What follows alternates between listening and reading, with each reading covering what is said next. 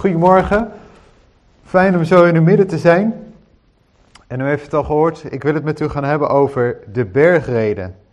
Nou, we hebben het gezien bij het kindermoment, het zijn drie hoofdstukken. Dus om hem helemaal te gaan lezen samen is eigenlijk al een preek op zich. Dus om wat tijd te besparen, dan uh, wil ik alleen een aantal gedeeltes lezen. Een uh, aantal stukjes en ik zal telkens aangeven wanneer ik de sprong maak naar een ander vers. Maar ik nodig u natuurlijk van harte uit om thuis, of misschien heeft u het al gedaan in de voorbereiding, nog eens de hele hoofdstukken te lezen van Matthäus 5 tot en met 7. Maar ik wil met u beginnen bij vers 1 en ik zal het aangeven wanneer ik een sprong maak in de tekst, naar welk vers we springen. Matthäus 5 vanaf vers 1. Daar lezen we, toen Jezus de menigte zag, ging hij de berg op. En nadat hij was gaan zitten, kwamen zijn discipelen bij hem. En hij opende zijn mond en onderwees hen. Hij zei, zalig zijn de armen van geest, want van hen is het koninkrijk der hemelen. Zalig zijn zij die treuren, want zij zullen vertroost worden. Zalig zijn de zachtmoedigen, want zij zullen de aarde beërven. Zalig zijn zij die hongeren en dorsten naar de gerechtigheid, want zij zullen verzadigd worden. Zalig zijn de barmhartigen, want aan hen zal barmhartigheid bewezen worden. Zalig zijn de reinen van hart, want zij zullen God zien. Zalig zijn de vredestichters, want zij zullen Gods kinderen genoemd worden. Zalig zijn zij die vervolgd worden om de gerechtigheid, want van hen is het koninkrijk der hemelen. Zalig bent u als men u smaadt en vervolgt en door te liegen allerlei kwaad tegen u spreekt, omwille van mij. Verblijd en verheug u, want uw loon is groot in de hemelen, want zo hebben ze de profeten vervolgd die er voor u geweest zijn. En dan spring ik naar vers 17. Vers 17, denk niet dat ik gekomen ben om de wet of de profeten af te schaffen. Ik ben niet gekomen om die af te schaffen, maar te vervullen. Want voorwaar ik zeg u, totdat de hemel en de aarde voorbij gaan, zal er niet één jota of één titel van de wet voorbij gaan, totdat het alles geschied is. Wie dan een van deze geringste geboden afschaft en de mensen zo onderwijst, zal de geringste genoemd worden in het koninkrijk der hemelen. Maar wie ze doet en onderwijst, die zal groot genoemd worden in het koninkrijk der hemelen. Want ik zeg u, als uw gerechtigheid niet overvloediger is dan die van de schriftgeleerden en de fariseeën, zult u het koninkrijk der hemelen beslist niet binnengaan. U hebt gehoord dat tegen de oude gezegd is, u zult niet doden. En wie doodt zal door de rechtbank schuldig bevonden worden. Maar ik zeg u, al wie ten onrechte boos is op zijn broeder, zal schuldig bevonden worden door de rechtbank. En al wie tegen zijn broeder zegt raka, zal schuldig bevonden worden door de raad. Maar al wie zegt dwaas, die zal schuldig bevonden worden tot het helse vuur. Als u dan uw gave op het altaar offert en u zich daar herinnert dat uw broeder iets tegen u heeft, laat uw gave daarbij het altaar achter en ga heen. Verzoen u eerst met uw broeder en kom dan terug en offer uw gave.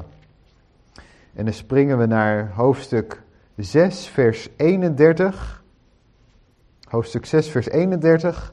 Wees daarom niet bezorgd en zeg niet, wat zullen wij eten of wat zullen wij drinken? Of waarmee zullen wij ons kleden? Want al deze dingen zoeken de heidenen. Uw hemelse Vader weet immers dat u al deze dingen nodig hebt. Maar zoek eerst het koninkrijk van God en zijn gerechtigheid, en al deze dingen zullen u erbij gegeven worden. Wees dan niet bezorgd over de dag van morgen, want de dag van morgen zal voor zichzelf zorgen. Elke dag heeft genoeg aan zijn eigen kwaad. En dan ga ik naar hoofdstuk 7, vers 13. Ga binnen door de nauwe poort, want wijd is de poort en breed is de weg die naar het verderf leidt, en velen zijn er die daardoor naar binnen gaan. Maar de poort is nauw en de weg is smal die naar het leven leidt, en weinigen zijn er die hem vinden. Maar wees op uw hoede voor de valse profeten, die in schapenvacht naar u toe komen, maar van binnen roofzuchtige wolven zijn. Aan hun vruchten zult u hen herkennen. Men plukt toch geen druif van doornstruiken of vijgen van distels? Zo brengt iedere goede boom goede vruchten voort. En een slechte boom, boom brengt slechte vruchten voort. Een goede boom kan geen slechte vruchten voortbrengen en een slechte boom kan geen goede vruchten voortbrengen. Iedere boom die geen goede vrucht voortbrengt, wordt omgehakt en in het vuur geworpen. Zo zult u hen dus aan hun vruchten herkennen. Niet ieder die tegen mij zegt, Heere, Heere, zal binnengaan in het koninkrijk der hemelen, maar wie de wil doet van mijn Vader die in de hemelen is. Velen zullen op die dag tegen mij zeggen, Heere, Heere, hebben wij niet in uw naam geprofiteerd en in uw naam demonen uitgedreven en in uw naam veel krachten gedaan? Dan zal ik hun openlijk zeggen, ik heb u nooit gekend. Ga weg van mij, u die de wetteloosheid werkt. Tot zover een aantal fragmenten uit de bergreden. Nou, misschien had u het al gelezen in de voorbereiding. En dan zult u herkennen dat de bergreden, als je hem goed leest, geen gemakkelijk onderwerp is. Wie de bergreden gaat bestuderen, die, die loopt waarschijnlijk tegen veel vragen aan. Want als we het zo lezen, dan lijkt het op het eerste gezicht wel alsof we ons behoud moeten gaan verdienen. Vanochtend wil ik daarom eerst gaan kijken hoe de woorden van de Heer Jezus klonken in zijn publiek wat het toen hoorde. Om dat beter te gaan begrijpen. En ik denk dat het helpt heel veel vragen die we misschien hebben over de bergreden te beantwoorden. Dat betekent wel dat de uitleg die u hoort van mij vanochtend misschien wat kan verschillen met hoe u het wel gewend bent uit te leggen. Degenen die vaker van mijn studies luisteren, die, die weten dat ik altijd probeer zoveel mogelijk de eerste betekenis van een tekst te behandelen. Dat wil niet zeggen dat er vervolgens geen tweede of derde betekenissen, dus andere toepassingen te maken zijn. Die zijn er wel degelijk. Maar we mogen vanuit een tekst die verschillende toepassingen maken, zolang we die eerste betekenis overeind laten staan.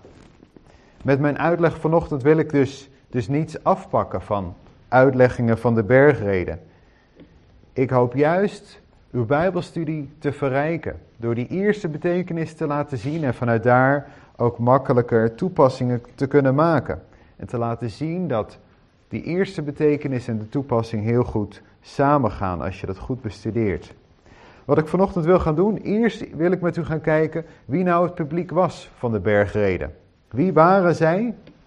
En als tweede gaan we dan kijken naar wat hoorden zij in de woorden van de Heer Jezus. En vervolgens als derde stap wil ik met u gaan kijken hoe we dat kunnen toepassen in ons eigen leven. Dus als u iemand bent die graag bezig is met de toepassing, heb even geduld met me. Ik ga er komen, maar het is het derde punt. Allereerst gaan we kijken wie de toehoorders waren. Nou, als we het Matthäus-evangelie als geheel bekijken, dan wordt al heel snel duidelijk dat Matthäus schrijft aan de Joden.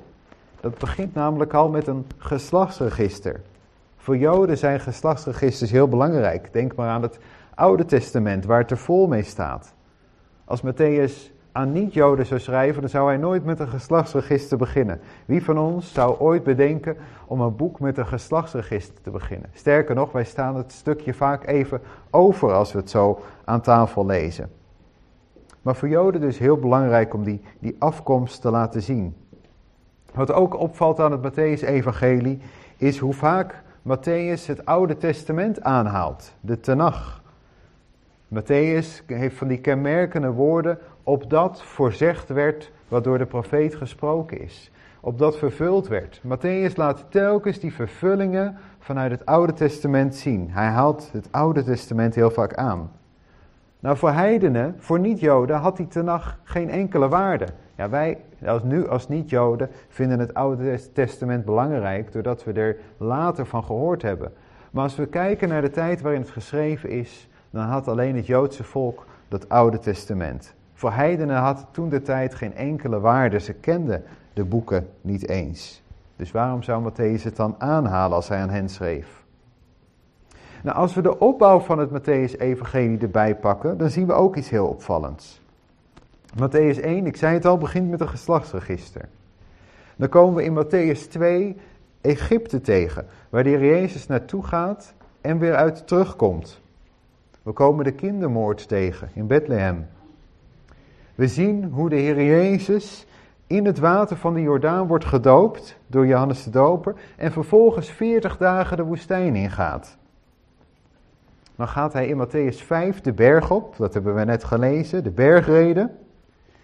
En in het hele boek Matthäus komen we eigenlijk vijf grote toespraken van de Heer Jezus tegen.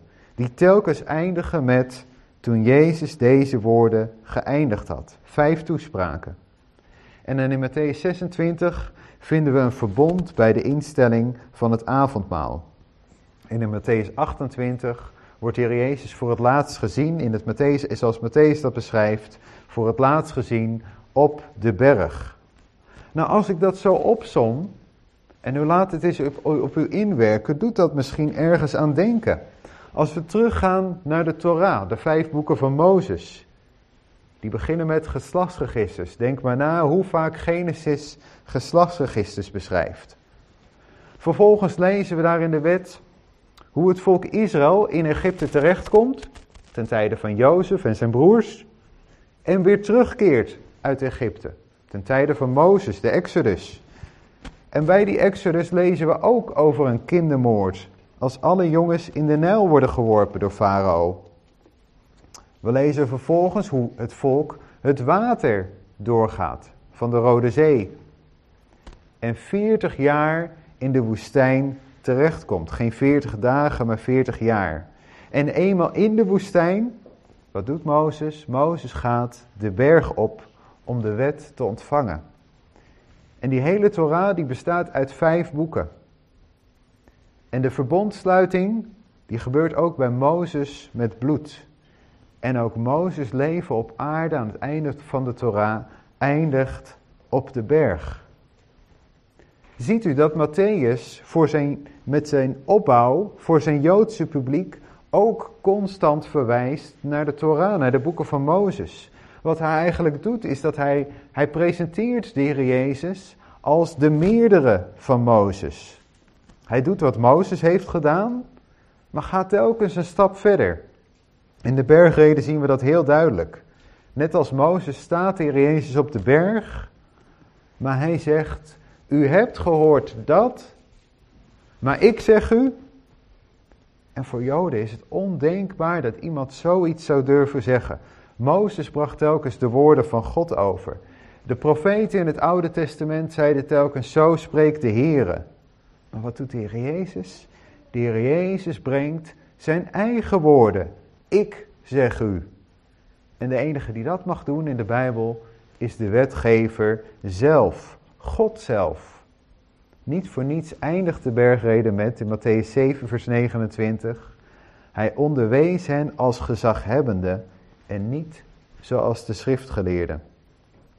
Mijn collega Jacqueline, jullie kennen haar allemaal, Jacqueline Lohman, die interviewde pas een Messiaanse gelovige die door de bergreden aan het denken is gezet toen hij de Heer Jezus nog niet kende. Zijn naam is Irving Saltzman. En hij zegt over het moment dat hij de bergreden hoorde en daardoor aan het denken werd gezet over de Heer Jezus, zegt hij, wat een liefde, bewogenheid en vooral wat een autoriteit. Voorwaar, ik zeg u. Ik was eraan gewend dat mijn rabbijnen altijd weer andere rabbijnen citeerden. De wijsheid en het gezag van de Heer Jezus waren overweldigend. Dus de bergrede verwijst naar de Torah, maar laat tegelijkertijd zien dat de Heer Jezus daar ver bovenuit gaat, dat Hij de wetgever zelf is. Maar niet alleen van Matthäus als geheel, maar ook van de bergreden specifiek kunnen we heel goed het publiek achterhalen. De Heer Jezus, hebben we gelezen in Matthäus 5, richt zich tot zijn discipelen. Er is een Joodse menigte omheen uit Galilea, Decapolis, Jeruzalem, Judea en van over de Jordaan, die eigenlijk meeluistert terwijl de Heer Jezus zich tot zijn Joodse discipelen richt. En dat is niet alleen omdat nou deze mensen er toevallig waren. De Heer Jezus gaat in zijn, in zijn woorden ook heel duidelijk ervan uit dat zijn publiek Joods is. Ik wil met u een aantal kenmerken opsommen om dat Joodse karakter van de bergreden te laten zien. De Heer Jezus zegt bijvoorbeeld dat men vervolgd kan worden zoals de profeten voor hen. Hij trekt een vergelijking tussen zijn publiek en de profeten voor hen. Nou, alle profeten waren Joods en richtten zich, met uitzondering van Jona, ook uitsluitend tot Joden. Iets anders wat de Heer Jezus zegt is dat men vervolgd kan worden door de raad. Letterlijk het Sanhedrin. Nou, het Sanhedrin, de Joodse Hoge Raad, deed alleen maar uitspraken over Joodse aangelegenheden. Die zeiden heel, deden helemaal geen uitspraken over heidenen. Een ander kenmerk is dat de Heer Jezus telkens zegt, u hebt gehoord dat. En dan haalt hij een stuk van de wet aan. Nou, alleen Israël had van deze wet gehoord. Geen enkel ander volk. De Heer Jezus gaat er, als we de bergreden goed lezen, vanuit dat zijn toehoorders bekend waren met de gang van zaken in de synagoge.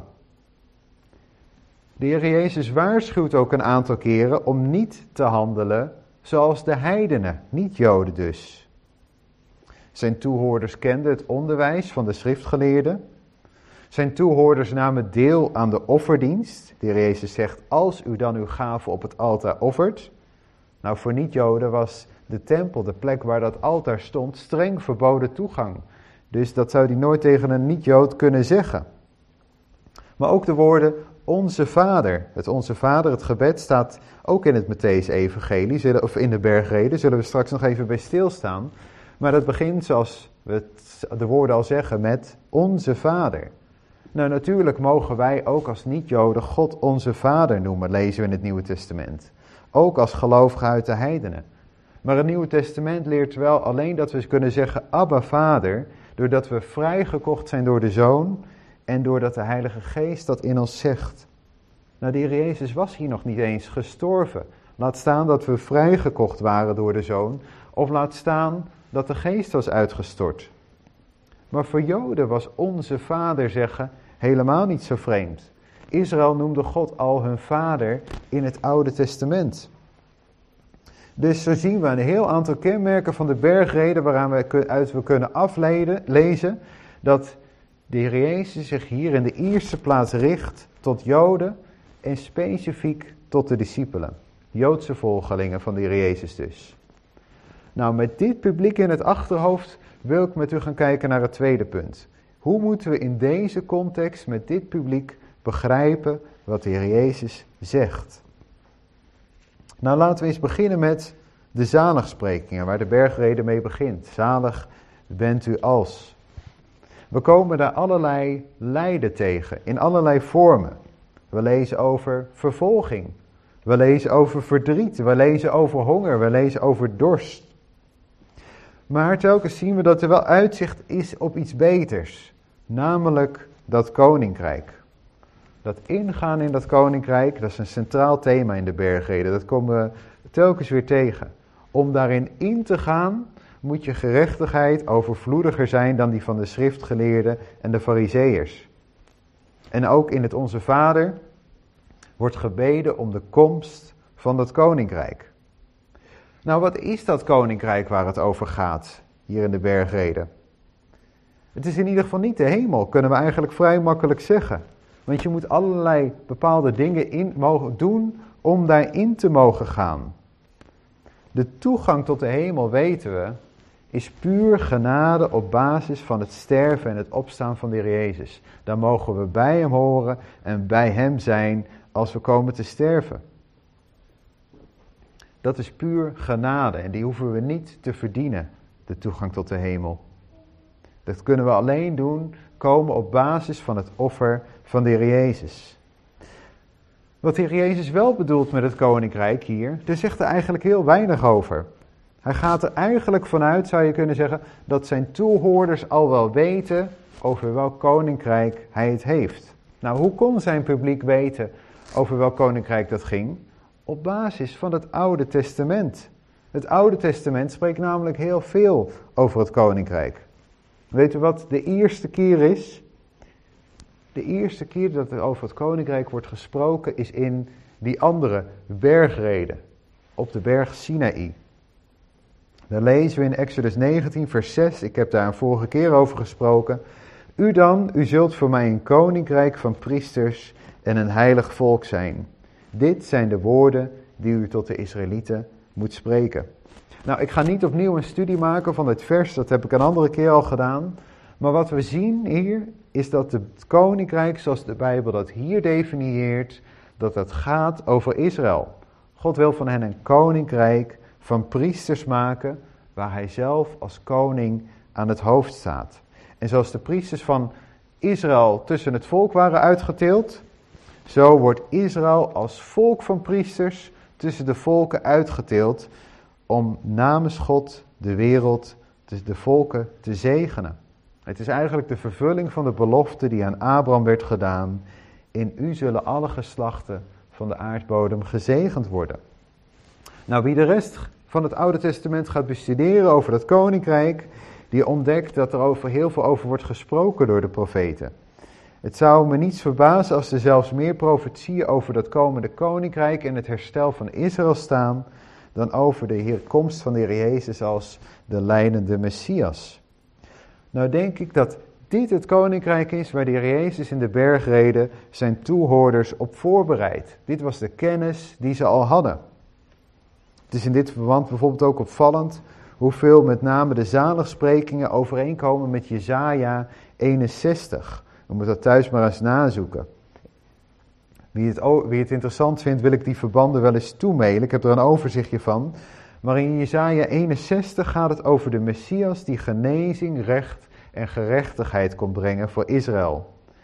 En als we de zaligsprekingen daarnaast leggen, dan zien we daar heel veel verbanden. Dus wat de Heer Jezus daar eigenlijk doet, is hij presenteert zichzelf hier dus als die komende Messias uit Jesaja 61, die komende koning voor Israël.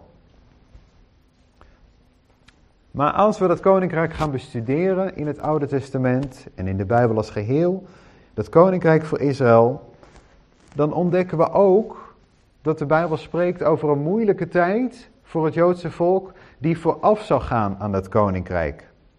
Voor wat wij vaak kennen als de grote verdrukking, zoals de Jezus het noemt in Matthäus 24. De Bijbel spreekt er bijvoorbeeld over in Jeremia 30. Daar lezen we in vers 7. Het is een tijd van benauwdheid, van verdrukking dus voor Jacob, andere naam voor Israël. Toch zal hij daaruit verlost worden. En dan lezen we in vers 9. Maar zij, Jacob dus, Israël, ze zullen de Heere hun God dienen en hun koning David, die ik hun zal doen opstaan. En die koning David die zal opstaan, dat is de Heer Jezus zelf, de nakomeling, de zoon van David. Dus we lezen over een benauwde tijd voor Israël, maar de koning van Israël, de Heer Jezus, die daarna zal opstaan voor hen. En iets soortgelijks komen we tegen in Handelingen, Handelingen 14, vers 22. Zij versterkten de zielen van de discipelen, spoorden hen aan in het geloof te blijven en zeiden dat wij door veel verdrukkingen in het koninkrijk van God moeten ingaan. Dus we zien dat er een moeilijke tijd voor het Joodse volk gaat komen, voordat het koninkrijk voor hen gaat aanbreken. Nou, de vraag die ik me heb gesteld is: zou het kunnen dat de Heer Jezus zijn volk in de bergreden voorbereidt op die grote verdrukking? Net zoals Mozes tot het volk sprak voordat ze de woestijn ingingen, voor de moeilijkheden in, zou het kunnen dat de Heer Jezus hier tot zijn volk spreekt en hen daarop voorbereidt. Als we de bergreden nalezen, dan zou het alles daar wel precies in passen. Neem bijvoorbeeld de zaligsprekingen. We hebben gelezen, zalig zijn zij die treuren, want zij zullen vertroost worden. Zalig zijn de zachtmoedigen, want zij zullen de aarde beërven. Bedenk dat het woord aarde ook met land heel goed vertaald kan worden. Zij zullen het land beërven. Zalig zijn zij die hongeren en dorsten naar de gerechtigheid, want zij zullen verzadigd worden. Nou, alle troost, alle gerechtigheid en beloning, die zal er voor het Joodse volk uiteindelijk in het koninkrijk zijn. Wat we dus zien is dat de bergreden in ieder geval spreekt over een tijd waarop het koninkrijk nog niet is aangebroken. Want er is nog lijden en vervolging en honger en dorst. Maar het spreekt wel over het moment dat het zal gaan aanbreken als een, als een stip aan de horizon, als een uitzichtspunt. Maar denk ook bijvoorbeeld aan het Onze Vader. We hebben dat niet gelezen, omdat ik ervan uitga dat het bij veel van u bekend is. Maar ook het Onze Vader past precies bij het Joodse volk in de grote verdrukking, bij de gelovigen in die tijd. Uw naam worden geheiligd. Dat een heel toepasselijk eh, bede, een hele toepasselijke bede in een tijd waarin Gods naam juist gelasterd zal worden. In Openbaring 13, vers 6 staat over die tijd. En het opende zijn mond om God te lasteren, om zijn naam te lasteren en zijn tent en hen die in de hemel wonen. Een tijd waarin Gods naam wordt gelasterd en waarin Gods Joodse volgelingen, zijn Joodse gelovigen, zullen bidden, uw naam worden geheiligd. Uw koninkrijk komen, uw wil geschieden, zoals in de hemel, zoals ook op de aarde. Er is een verlangen naar de komst van dat koninkrijk, dat het werkelijkheid zal worden. En dat is ook precies waar de eindtijd op zal uitlopen. In Openbaring 11 lezen we in vers 15. En de zevende engel blies op de bazuin. En er klonken luide stemmen in de hemel die zeiden: De koninkrijken van de wereld zijn van onze Here en van zijn Christus geworden. En hij zal koning zijn in alle eeuwigheid. Geef ons heden ons dagelijks brood. Ook een heel logisch gebed in de eindtijd. Denk maar aan Openbaring 13, vers 17. En het maakt dat niemand kan kopen of verkopen, behalve hij die dat merkteken heeft, of de naam van het beest, of het getal van zijn naam. Als mensen alleen nog maar kunnen verkopen of, uh, kopen of verkopen met het merkteken van het beest, en gelovigen nemen dat niet aan, dan keren ze zich tot God voor hun dagelijks brood. Zijn ze van Hem afhankelijk. En denk bijvoorbeeld ook aan de, die, de verdrukking, denk aan de hongersnoden die de Heer Jezus beschrijft in de eindtijd in Matthäus 24. Ook daar past geef ons heden ons dagelijks brood heel logisch bij. Leid ons niet in verzoeking, maar verlos ons van de boze. Opnieuw ga ik naar Openbaring 13. En het misleidt hen die op de aarde wonen door middel van de tekenen die het gegeven zijn te doen voor de ogen van het beest. En het zegt tegen hen die op de aarde wonen dat zij een beeld moeten maken voor het beest dat de wond van het zwaard had en weer levend werd. Juist die tijd waarin er zoveel verleiding en misleiding is door de tegenstander van God, is de bede leidt ons niet in verzoeking, maar verlos ons van de boze. Ook heel logisch. Dus vandaar dat ik geloof dat de bergrede heel goed past in die aanloop naar de komst van het koninkrijk, waarin er een verdrukking zal zijn, een moeilijke tijd voor het Joodse volk. En de Heer Jezus is juist de gelovigen onder hen die zijn woord willen horen, daarop voorbereid. Nou, wat hebben we tot nu toe gezien? We hebben gezien dat de Heer Jezus zichzelf presenteert als de meerdere van Mozes. Zijn maatstaf gaat vele malen hoger en dieper dan de wet van Mozes. Hij is ook degene die zijn volk voorbereidt op de woestijn, net als Mozes, op de verdrukking die gaat komen. Tijdens die verdrukking moet zijn, moeten zijn volgelingen zich volledig afhankelijk weten van God. En zich onderscheiden van de wereld door hun gedrag. We hebben dat niet gelezen, maar die Jezus spreekt bijvoorbeeld ook over de stad die ligt op een berg en over het zout der aarde, het licht der wereld. Men moet zich onderscheiden van de rest. En met degenen die hem daarin willen gehoorzamen, heeft hij iets heel moois voor ogen. Dat koninkrijk voor Israël, wat een enorme zegen voor de wereld zal betekenen. ik geloof dat we daarin de eerste betekenis van de bergreden vinden. Maar nu wil ik met u gaan naar de, de toepassing. Want wij hebben, wat hebben wij nu aan dit gedeelte? Als het gericht is tot de Joodse volgelingen voor de Jezus, kunnen wij het dan maar uit onze Bijbel scheuren en het achterwege laten? Nee, zeker niet. Ik wil juist laten zien dat als we die eerste betekenis kennen, we ook heel goed een toepassing kunnen maken. Ik geloof dat dit gedeelte in ieder geval minimaal drie dingen aan ons voorhoudt. Het geeft ons een waarschuwing, het geeft ons perspectief en uitzicht en het houdt ons een spiegel voor. Nou, ten eerste die waarschuwing, die is heel duidelijk. De Heer Jezus waarschuwt zijn volk hier voor de verdrukking die gaat komen, met name voor zijn volk. Voor mij is die waarschuwing naar het Joodse volk juist een van de stimulansen om onder het Joodse volk te werken vandaag de dag. Als wij weten wat er gaat komen op basis van het woord, dan is het een stimulans om juist vandaag de dag onder hen dat woord te verspreiden, wat die waarschuwing geeft voor dat wat gaat komen. Maar diezelfde woord, wat ook die hele rijke boodschap geeft van de Heer Jezus, die is gekomen als de Messias. Die als gekomen is om dat offer te brengen, wat voor eens en voor altijd genoeg is. Om die weg naar de Vader vrij te maken. En dat werk draagt vruchten. We hebben dat gezien bijvoorbeeld in Irving die ik noemde. Die juist door het lezen van het woord, die daardoor aan het denken is gezet. En die door de bergreden tot geloof is gekomen in de Heer Jezus als zijn Messias. Dat is de waarschuwing. Het is een waarschuwing voor het Joodse volk en een stimulans dus voor ons om ermee aan de slag te gaan in de tijd die ons gegeven is. Dat tweede, het biedt ons perspectief. Als de komst van de Heer Jezus en met zijn koninkrijk troost bieden aan het Joodse volk, dan biedt het indirect ook troost aan ons. Dat koninkrijk is in de eerste plaats voor Israël. Maar de komst van de Heer Jezus biedt ook uitzicht voor ons als we treuren, als we honger en dorst hebben naar gerechtigheid, als we te maken hebben met vervolging.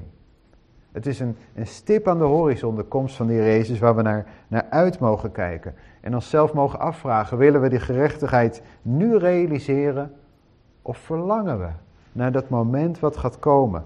Hebben we daar honger en dorst naar, dat dat gaat gebeuren? Is dat nog echt het verlangen wat in ons hart is? Zijn we met de dingen van deze wereld bezig? Of hebben we een echt verlangen naar de komst van de Heer Jezus, waarin alles hersteld zou worden? In de eerste plaats ook voor, voor Israël, maar ook voor de schepping en alles zal daarin zijn herstel vinden. En dan kom ik bij die spiegel die het ons voorhoudt. We hebben gezien dat de Heer Jezus zich richt tot het Joodse volk en spreekt over het koninkrijk. Dat we dus niet alles zomaar één op één op onszelf kunnen toepassen. En toch zien we in de bergreden bepaalde principes terug die we ook op andere plekken in de Bijbel tegenkomen. En ik denk dat op die manier, door naar die principes te kijken, de bergreden ons ook een spiegel voorhoudt. Wij leven niet in de grote verdrukking, maar veel principes kunnen we wel degelijk toepassen op de wereld van vandaag. Want ook wij moeten in alles wat we doen afhankelijk zijn van God en ons onderscheiden van de wereld. Zoals de Joodse volgelingen van de Heer Jezus dat tijdens de verdrukking moeten doen. Ik denk dat de grote vraag van de bergreden is: waar zijn we op gericht in deze wereld? En dan denk ik persoonlijk dat we die uitspraak zoek eerst het koninkrijk van God moeilijk letterlijk toe kunnen passen op ons vandaag. Maar het principe daarachter kunnen we wel degelijk toepassen. We hebben net met de kinderen al gelezen in Colossense. Hij zegt, Paulus zegt daar iets vergelijkbaars, wat heel erg lijkt op de bergreden, maar wat we wel letterlijk mogen en moeten toepassen. We hebben gelezen in Colossense 3, vers 1. Als u nu met Christus opgewekt bent, zoek dan de dingen die boven zijn, waar Christus is, die aan de rechterhand van God zit. Hieraan verbindt Paulus geen belofte dat alles ons erbij gegeven zou worden, als we in de, zoals we in de bergreden lezen. Geen belofte dat als we de dingen die boven zoeken, zijn, zoeken, dat we alles zullen ontvangen qua eten en qua kleding. Maar Paulus koppelt daar eigenlijk een veel rijkere belofte aan. Als we verder lezen, want u bent gestorven en uw leven is met Christus verborgen in God. Wanneer Christus geopenbaard zal worden, die ons leven is, dan zult ook u met hem geopenbaard worden. Wat een rijke, wat een geweldige belofte. Volgens mij was het Corrie ten Boom die het zo zei. Want u bent gestorven, uw leven is met Christus verborgen in God. Wat een rijkdom, wat een zegen, wat een positie. Juist in deze turbulente tijden. Wat een rijkdom dat we dat mogen weten. Dat we zo met Christus verborgen zijn in God. Dat daar ons leven is. Maar dan ook die belofte dat we in Christus geopenbaard zal worden, die ons leven is, we met Hem geopenbaard zullen worden in heerlijkheid. We hebben een hele andere focus, die, die heerlijke toekomst met Hem. Wat een geweldige belofte. En uit deze dingen, uit deze focus op de dingen die boven zijn, volgen heel veel andere principes. U moet thuis vanmiddag nog maar eens de rest van Colossense 3 doorlezen. Waar het gaat over dan dood dan de leden die op de aarde zijn. Dat lijkt heel erg op wat we in de bergreden lezen als Als uw oog u tot zonde verleidt, ruk het uit en werp het van u. Er zitten vergelijkbare woorden in. Alleen Paulus gebruikt woorden die we zo één op één op onszelf kunnen toepassen. Maar we zien dezelfde principes. En uit deze focus op de dingen die boven zijn, volgen heel veel van die andere principes. Het is, ik zou je kunnen zeggen, de, de grondhouding. En die principes zien we onder andere ook terug in de zaligsprekingen. De vraag is wat ons kenmerkt. En die vragen die stel ik daarbij in de eerste plaats aan mezelf. Maar ik zou willen uitnodigen om ook voor uzelf erover na te denken. Ben ik arm van geest? Ben ik een vredestichter? Ben ik zachtmoedig? Ben ik rein van hart? Heb ik honger en dorst naar gerechtigheid? En ik wil er gelijk voor de duidelijkheid bij zeggen: dit zijn geen dingen die wij hoeven doen om het koninkrijk in te gaan, zoals het in de bergreden staat. Nee, als we Colossense lezen, dan zijn, is ons gedrag op de aarde zijn dingen die, die horen eenvoudig bij de nieuwe mens zijn in Christus. Die horen bij het met Christus wandelen. Omdat ons leven verborgen is met Christus in God. En dat we een opstandingsleven mogen leiden met Hem. Colossense gaat niet voor niets verder over onze wandel die hoort bij dat opgestaan zijn met Christus. Dus we hoeven niet alles in de bergreden letterlijk toe te passen, maar we mogen wel degelijk van de principes eruit leren. En vandaar dat ik nog eens die, die vragen met u door wil gaan en ze aan onszelf wil stellen. En nogmaals, ik stel ze aan mezelf, stelt u ze ook aan zichzelf en niet aan uw buurman of aan die andere broeder of zuster uit de gemeente. Maar laat ze eens op uw eigen hart en gedachten inwerken. Zijn we arm van geest? Arm van geest betekent dat je weinig van jezelf meebrengt, zodat God de ruimte heeft. Zodat zijn geest de ruimte krijgt en we eigenlijk weinig van onze eigen geest meebrengen. Onze tijd, vandaag de dag, kenmerkt zich juist door het meebrengen van je eigen mening. Hoe graag willen we niet onze eigen mening naar voren brengen? Wat wij zelf vinden is in, ons, in onze tijd het hoogste goed geworden. Maar wij, als gelovigen, zijn we daarin anders? Zijn wij arm van geest? Staat niet onze eigen mening voorop? De vraag, zijn we vredestichters? En dat is steeds niet hetzelfde als bewaren we de vrede. Nee, een vredestichter gaat een stap verder. De vrede bewaren is, is passief, zou je kunnen zeggen. Maar de vrede stichten, dat is actief. Zoeken we vrede. Ik denk dat als we over ons schouder kijken naar de afgelopen maanden, we met z'n allen de pijnlijke constatering moeten doen dat we dat met z'n allen niet gedaan hebben. De vrede zoeken, de vrede stichten. Hoeveel verdeeldheid is er niet, ook binnen christelijk Nederland, naar aanleiding van, van alle coronamaatregelen. Maar is dat waar de Bijbel ons vraagt om mee bezig te houden? Of moeten we juist vredestichters zijn, de vrede zoeken, juist binnen de gemeente? Zijn we zachtmoedig? Antwoorden we lelijke woorden met een vriendelijk antwoord. Ook zo belangrijk in deze tijd. Hoe reageren we op dingen als het uh, niet gaat zoals het ons zint? Zijn we zachtmoedig? Is onze vriendelijkheid bij mensen bekend? Zijn we rein van hart? Dat is een pijnlijke vraag. Hoe denken we in ons hart over anderen? Iets wat de Heer Jezus juist in de bergreden laat zien. Dat het niet alleen om de uiterlijkheden gaat, maar dat het ook om het hart gaat. Als ik van uw vrijwilligers zou vragen, ik zou hier een apparaatje hebben staan wat uw hart en uw gedachten zou kunnen laten zien van de afgelopen tijd.